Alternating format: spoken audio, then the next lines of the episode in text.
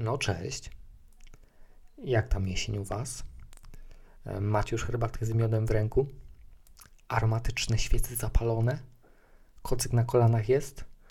Piosenki Konana Greya sączące się gdzieś po cichu w tle? No, no to jest kwintesencja jesieni. Tak się można bawić w jesień. E, ja to prawda w tej chwili z kubka popijam sobie barszcz, ale też dobry. Conan Gray nie umila mi tego wieczoru, e, bo zdecydowanie hymnem tegorocznej jesieni jest e, utwór Baby. Na pewno go znacie.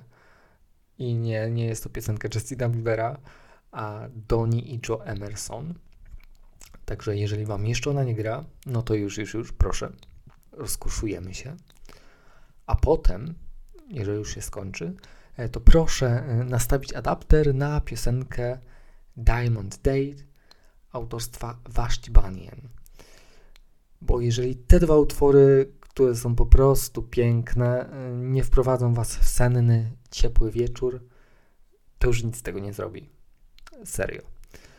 W ogóle wpadłem na pomysł przed nagraniem tego podcastu, że podłożę pod niego odgłos palącego się kominka, E, wiecie, żeby jeszcze bardziej spotęgować ten nastrojowy klimat, ale stwierdziłem, że ten strzelający ogienek w tle może mnie skutecznie zagłuszyć, więc daje się na moc waszej wyobraźni.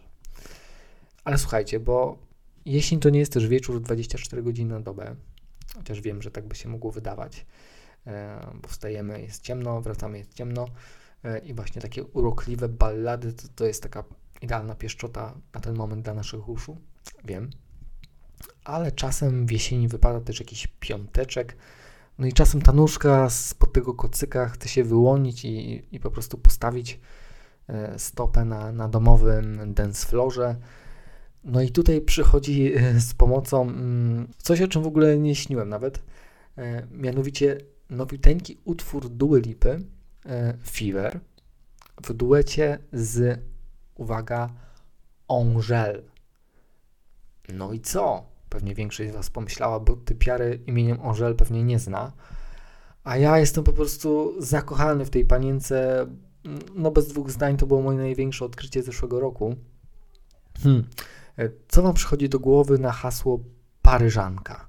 E, bo jeżeli blond włosa piękność z beretem na głowie, e, w jakichś modnych ciuczkach, to to jest Angel, ale niech Was to nie zwiedzie, bo do tego jest taki zadzior w jej spojrzeniu i po prostu tona poczucia humoru i przede wszystkim e, otwartej głowy, takiej pewności siebie, no i intelektu.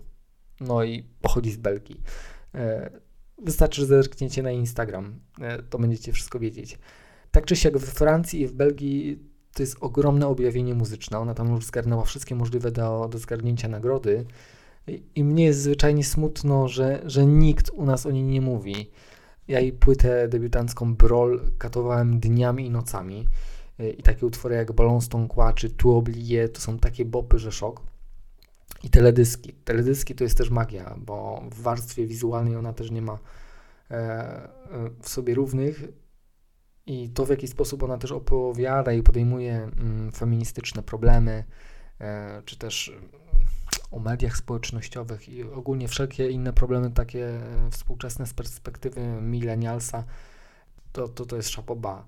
Dlatego też strasznie się ucieszyłem na, na ten duet z duą, bo, bo to jest szansa po prostu dla, dla, dla niej, żeby dotrzeć do, do reszty świata. Także wiecie co robić. Powtarzam, piosenka Fever. No. Ale też, y, no nie samą muzyką też człowiek żyje. Szkoda. Znaczy, szkoda, nie szkoda. No, no tak, i przez ostatnie dwa tygodnie o dziwo, aż o dwa, e, bo byłem mocno na, na początku podekscytowany i myślałem, że pójdzie mi to zdecydowanie e, szybciej. I po prostu ponownie wsadziłem paluszek do świata panem. E, I mowa tutaj o balladzie ptaków i węży Susan Collins. A jeżeli nadal nic wam to nie mówi, to mowa o prequelu Igrzysk Śmierci. E, kiedy w maju się dowiedziałem, że w ogóle ma wyjść nowa część, e, to strasznie się napaliłem, ponieważ ja uwielbiam igrzyska. I nawet ze spokojem mogę powiedzieć, że, że to druga po Harry Potterze moja ulubiona seria. E, chociaż swoją drogą ta, ta moja droga z igrzyskami nie była też taka jednoznaczna, bo bo pamiętam, że w 2012 roku był straszny hype na igrzyska i to za sprawą ekranizacji. A, a w przypadku takich blockbusterów to, to ta kampania promocyjna no, no nie ma w sobie równych i Jennifer Lawrence i, i Josh Hutcherson po prostu wyskakiwali z lodówki. A jako, że stety, niestety obok kropli krwi czarodziejskiej w moich żyłach płynie też jeszcze jakaś zaburzona e, kropla krwi hipstera, e, która mi po prostu podsyła do mózgu, wiecie, jakieś komunikaty w stylu to na pewno jest shit, bo przecież wszystko, co znajduje uznanie wśród y, szerokiej publiczności, to, to nie może być dobre. Więc ja wtedy ostentacyjnie, y, będąc 17-latkiem, odwracałem głowę od plakatu Katniss z łukiem y, w autobusie w drodze do szkoły i przekonany po prostu swoim wysublimowanym jakże smaku, y, sobie przeżyłem spokojnie rok dopiero po roku pewnego leniwego sobotniego popołudnia postanowiłem sprawdzić, e, czym to się tak zachwycano niegdyś. E, I odpaliłem film na komputerze i po prostu przepadłem. E, I to do tego stopnia, że ja na następny dzień już stałem w kolejce po bilet w kinie na drugą część, bo to już był ten moment, kiedy w Pierścieniu Ognia było na ekranach kin. I po kinowym sensie ja już byłem po prostu niewolnikiem świata Collins i zacząłem w dzień w dzień biegać do, do biblioteki, e, żeby wypożyczyć całą serię. E, a, a tam pani bibliotekarka, no niestety mnie odprawiała ca, cały czas z kwitkiem, e, no że nie ma, że wypożyczone, ale w końcu bogowie wysłuchali pewnego dnia moich modlitw no i w końcu dorwałem te książki i, i mogłem się zaczytywać i zaiste zaczytywałem się jak mało kiedy. Aczkolwiek, no, najsłabszym ogniwem, jeżeli chodzi o mnie o, i o igrzyska, to to jest zdecydowanie kosogłos i zarówno książka, jak i film. Może dlatego, że na te nieustanne rozterki miłosne Katniss e, w obliczu wielkiej rewolucji odbierają trochę powagę całej sytuacji. No i też może przez brak odbywających się igrzysk w tej części, które jednak, wiecie, dodawały tam tempa i adrenaliny w książce, to że wszystko się gdzieś tam rozlewało, no i sprawiało, że w sumie, no to nudno było w tych dystryktach. Ale co z tą baladą w końcu? Yy, ogólnie byłem zaskoczony, nim przystąpiłem do czytania, bo yy, autorka postanowiła wrócić yy, do Panem yy, i opowiedzieć historię prezydenta Snowa, I tu właśnie pojawiło się moje pytanie, dlaczego? Dlaczego akurat Snow? Bo ja tysiąc razy bardziej wolałbym na przykład przeczytać e, historię, no na przykład powstania Panem. E, jak to się w ogóle stało, że doszło do tego, że, że Ameryka Północna przestała istnieć. Albo chociażby historię pierwszych głodowych igrzysk. Mm, a tymczasem w najnowszej powieści wpadamy sobie od tak na dziesiąte głodowe igrzyska i obserwujemy młodego Corionalusa Coriol, Coriolanusa, Coriol... Jezu, trudniejszego imienia nie, nie szło wymyślić. E, w ogóle wszyscy, serio, wszyscy w, w tej książce mają jakieś skomplikowane imiona. E, okej, okay. siląc się już na, na oryginalność, warto byłoby sobie chociaż języka przy tym nie łamać. Tak sobie myślę. Ale z tą książką. Hmm, mogą być spoilery, uwaga, zaznaczam. E, w zasadzie przez całe 500 stron ja nie wiem, autorka chyba chciała nam odsłonić właśnie kulisy i, i pokazać, dlaczego Snow e, stał się takim starym, okropnym dziadem. E, z tym, że moja konkluzja jest taka, że on miał podły charakter już od samego początku, już za młodu. On, on był po prostu od samego początku snobem, próżniakiem, bez jakiegokolwiek kręgosłupa moralnego. E, no, po prostu patologiczny pozer, przez cały czas skupiony tylko na sobie i uważnie śledzący, jak odbierają go inni.